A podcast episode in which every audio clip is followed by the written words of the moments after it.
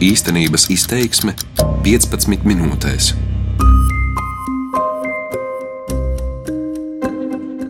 Eiropas parlamenta vēlēšanas mūsu valstī šogad rīkos ceturto reizi. Skaitļi rāda, vēlētāju aktivitāte ir tradicionāli zemāka nekā saimas vēlēšanās, un tendence ir rūkoša. Pirms desmit gadiem par Eiropas parlamenta deputātu kandidātiem nobalsoja vairāk nekā puse, savukārt pirms pieciem gadiem vien trešdaļa balstiesīgo iedzīvotāju.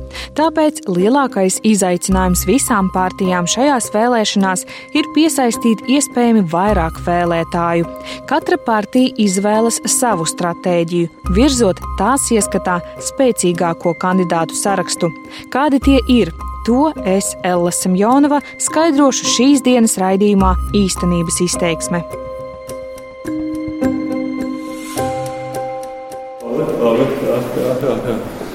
Man nav, diemžēl, nekāda biroja. Tas Ļoti labi. Mēs varam tikai vienkārši pastāvēt. Mēs varam šeit vienkārši pastāvēt.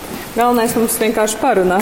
Darba kabinets LU profesoram Ivaram Iebam, protams, ir, taču citā sociālo zinātņu fakultātes ēkā. Tagad mēs tiekamies universitātes galvenajā ēkā. Šaurajos gaitiņos ar augstiem griestiem atbalsojas daudz garāmejošu studentu, pasniedzēju un citu darbinieku soļi un čalas. Akadēmiskajā pasaulē dzīves ritms ir nenogurdināms, taču šo vidi Ivars Iebs vēlas mainīt pārējot politikas veidotāju, ne vērotāju pusē.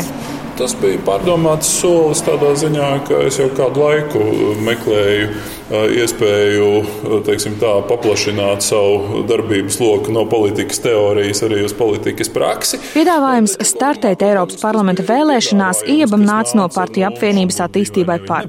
Šo lēmumu viņš nožēlojas nesot. Varbūt es atļaušos teikt tagad savu viedokli Droši. vai savas domas, padalīties ar tām, jo man noteikti bija pārsteigums, kad es uzzināju, ka jūs kandidējat, un um, tas pārsteigums bija saistīts ar to, ka tomēr ir pārāk īs, man, manuprāt, tas posms, pusgads, kad jūs uh, no politologa lomas uh, esat uh, nu, pārgājuši uz to politiķa lomu un mainījis šai, šīs lomas. Vai, vai jums nešķiet, ka šis posms ir pārāk īs bijis? Es, ja jūs uzmanīgi paskatītos, es savas komentēšanas aktivitātes esmu pēdējo gadu laikā diezgan pamatīgi ierobežojis. Es patiesībā nekomentēju neko īpaši daudz attiecībā uz, piemēram, 13. sēmas vēlēšanām. Es pat vēlēšanu naktī negāju viesoties nevienā mēdījā. Jūs bijāt radio kopā ar Mārci Bendiku. Tas bija par grābekli, jā, jā, jā, jā, jā par vēlēšanu grābeklis. Jā, jā, nu, bet tā jau bija, kā saka, lielākā vai mazākā mērā tomēr aktivitāte, kas nu, bija uz tādas žurnālistikas robežas. Un, nu, vai tad mūsu mazums politikā ir žurnālisti? Jūs paskatīsieties, kādi tikai žurnālistikas dižgari nav taisījuši savas politiskās karjeras vai politiskās ambīcijas, tad tāda nav mazums. Un šis arguments ir neapstrīdams. Arī svaigākie piemēri nav tālu jāmeklē. Piemēram, neoficiāli zināms, ka pētnieciskais žurnālists Ansis Pūpols šogad varētu startēt no Nacionālās apvienības saraksta. Sarunā ar Latvijas radio viņš apliecināja, ka pārunas ir bijušas, taču citēju, domas ir, bet oficiāla lēmuma nav. Pūpols no plašākiem komentāriem atteicās. Cik zināms, Nacionālā apvienība vēlas visus kandidātus virzīt no savu biedru rindām. Tātad žurnālistam būtu jāiestājas partijā. Arī Ivars Ieps pagaidām nav attīstībai par biedrs. Protams, ka, nu, ja jau es esmu piekritis kaut kam tādam, tad, protams, ka tās manas nu, nosacīti neitrālās, tīri akadēmiskā politologa gaitas ir beigušās vismaz uz kaut kādu pārskatāmo nākotni. Tālāk būs politiskā karjera. Uh, nu, tāpēc jau tas viss tiek darīts. Pēc neoficiālām ziņām apvienība pasūtīja socioloģisko izpēti. Noskaidrojās, ka Ivaram Iebam ir augsti popularitātes rādītāji, un tie varētu palīdzēt viņam iekļūt Eiropas parlamentā. Protams, ja vēlētāji būs aktīvi. Visu sarakstu apvienība paziņos nākamnedēļ, taču jau tagad ir zināms, ka būs arī citi nepolitiski kandidāti. Vārdus pagaidām neatklāja, jo ne visi kandidāti ir pieņēmuši gala lēmumu, taču ambīcijas ir lielas. Kāpēc mums vajadzētu rēķināties uz kaut ko tik ļoti pieticīgu un nelielu kā tikai viens mandāts? Nē, nē tas tā nav. Tad uz ko jūs tomēr tēmējat? Nu, mēs tēmējam uh, uz trim. Plašu ekspertu loku Eiropas parlamenta vēlēšanām piesaistījusi arī partija progresīvie, kas par pirmo numuru virzīs Guntu Anču, Latvijas cilvēku ar īpašām vajadzībām sadarbības organizācijas Sustento vadītāju. Ir sarakstā arī LU medicīnas fakultātes asociētā profesora Solvita Olsena un vīdes aktīvists Edmunds Cepurītis. Man zvanīs no Latvijas rādio. Nu. Jā, okay. Kādi būs partijas KPV LV kandidāti arī noskaidrosies pēc divām nedēļām. Nu jau bijušais partijas biedrs Aldis Gobzims savā sociālā tīklā Facebook ierakstā paziņojis, kandidēs arī Artus Kaimiņš, kurš gan pats šo jautājumu nekomentē. Mēs līdz 23. datumam būsim apzinājuši tos cilvēkus, kas gribēs iet uz Eiropas parlamentu. Šobrīd mēs viņus nesauksim neskaļi un, un šos vārdus nevienam nedosim. Līdz ar to esiet pacietīgi. Jūs pats? Šobrīd esiet pacietīgi. Neko ne, visi esiet pacietīgi. Visi esiet pacietīgi. Kandidātus partijas Eiropas parlamenta vēlēšanu sarakstam var virzīt desmit KPV LV biedri. Frakcijas vadītājs Atis Zakatistovs stāsta, kandidēt piedāvā arī viņam, bet vai piekritīs, deputāts vēl nezina. Nu, man personīgi ir uzrunājuši vairāki cilvēki, kas ir mūsu partijas biedri, izteikuši interesi, bet tas ir tikai man personīgi, tas nav nekādā oficiālajā e, kanālā. Nu, jā, tie ir vieni no redzamākajiem mūsu partijas biedriem. Apjukums valda arī jaunās konservatīvās partijas rindās. Kandidātu vārdus oficiāli nosauks vien marta sākumā. Vai jūs apsverat domu, ka varētu tiešām virzīties uz šīm vēlēšanām un startēt tajās? lai arī neoficiāli kandidātu vidū izskanēja saimnes priekšsēdētājas biedras Dagmārs Beitneres legālas vārds, viņa to noliedz. Paldies tam.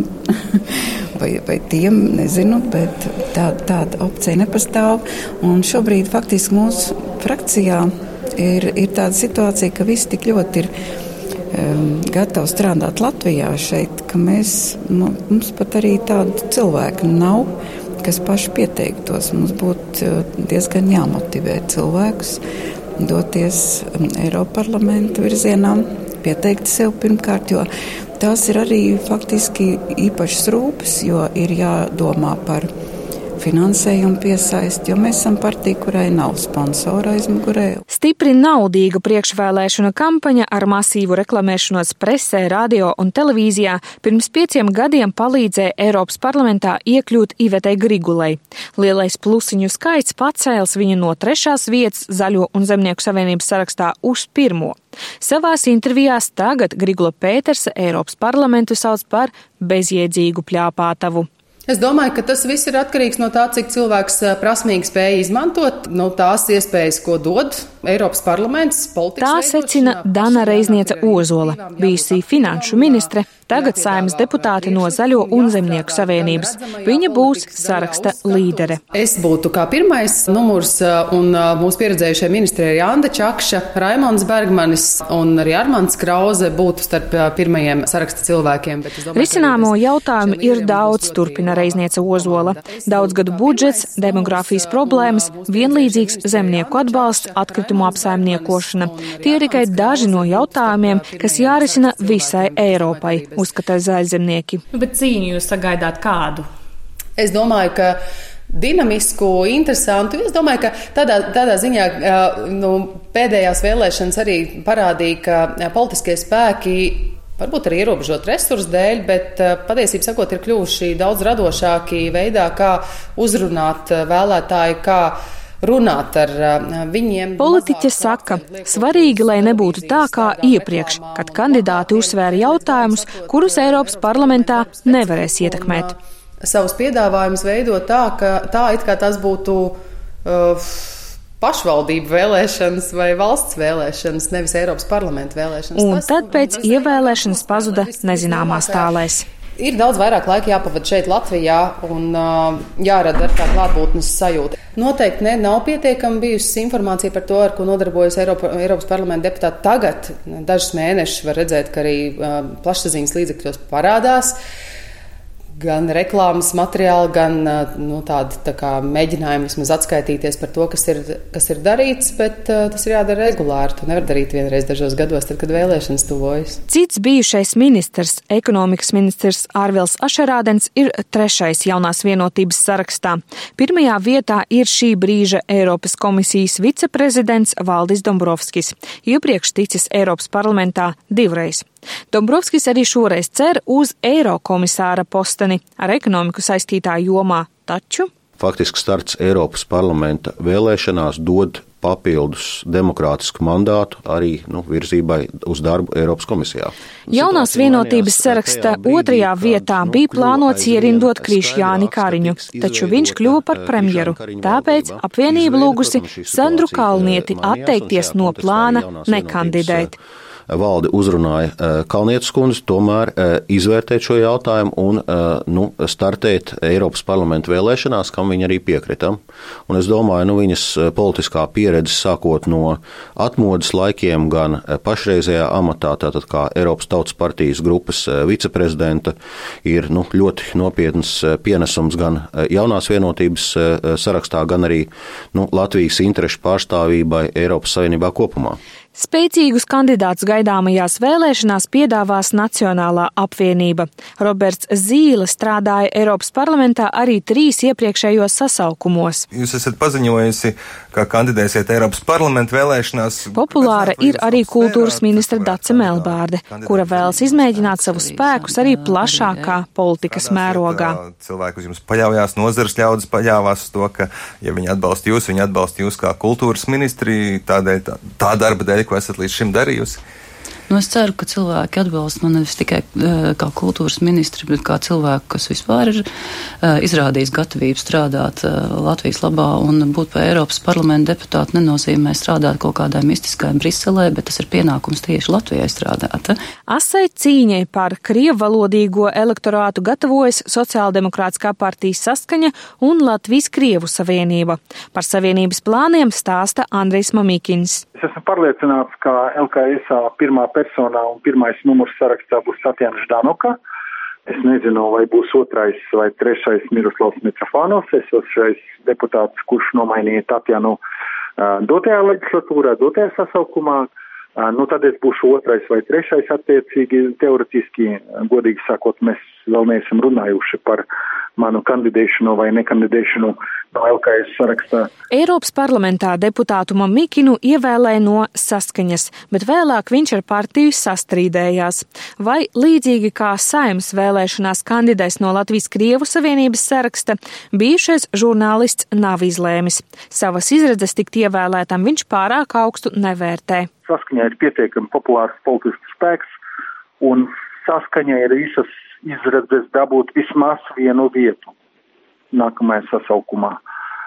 Teoretiski es pieņēmu, ka Uško kungs varētu kandidēt gadījumā, ja ministrs Pūce nevis pat atlaidīs visu dūmi, bet arī atlaidīs tikai Ušakovu no amatā.